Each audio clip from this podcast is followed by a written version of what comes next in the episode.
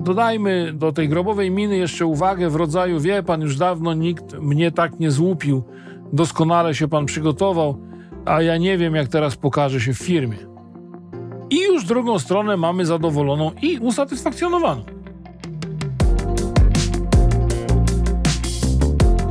W ramach coachingu uczestniczyłem w negocjacjach mojego klienta. Jak zwykle w takich sytuacjach, przed negocjacjami mój klient zebrał dostępne informacje, przygotował swoje argumenty, postawił sobie cele, zaplanował wszystko wzorcowo.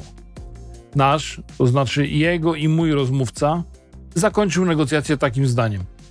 Panowie, jeśli firmy zaakceptują nasze uzgodnienia, to ja zapraszam na kolację do najlepszego lokalu w mieście. W drodze powrotnej mój klient oczywiście zapytał, jak oceniam jego sposób negocjowania, zwłaszcza, że zrealizował postawione cele. Wszystko odbyło się sprawnie, sympatycznie i jeszcze mamy kolację on top. Zapytałem, czy ta kolacja go nie niepokoi. Nie, a czemuż miałaby? O, i tu dochodzimy do sedna, czyli pytania, o czym świadczy zadowolenie drugiej strony. Czujny obserwator już wie. Zadowolenie drugiej strony świadczy o tym, że ona osiągnęła swoje cele i nie spełniły się jej czarne scenariusze.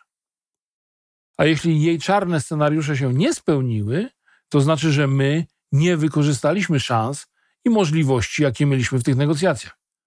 Mój klient trochę posmutniał i powiedział, że przecież zrealizowaliśmy cele.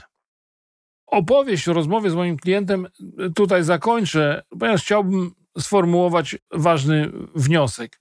Nasz partner negocjacyjny jest sprawnym i sympatycznym negocjatorem, a jednak nie ustrzegł się błędu i zamanifestował swoje zadowolenie. Stąd wiem, że to on lepiej wyszedł na tych negocjacjach.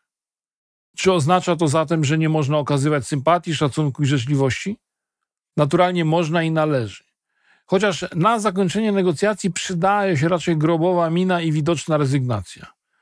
Dodajmy do tej grobowej miny jeszcze uwagę w rodzaju: Wie pan, już dawno nikt mnie tak nie złupił, doskonale się pan przygotował, a ja nie wiem, jak teraz pokaże się w firmie.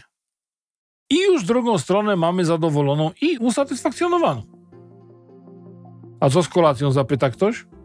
Jeżeli ci na niej zależy, możesz dodać: Tyle pan wygrał w tych negocjacjach, że jest mi pan winien kolację. Daj swojemu partnerowi negocjacyjnemu poczucie, że wygrał, że był lepszy. Niech ma. Ty i tak swoje ugrałeś.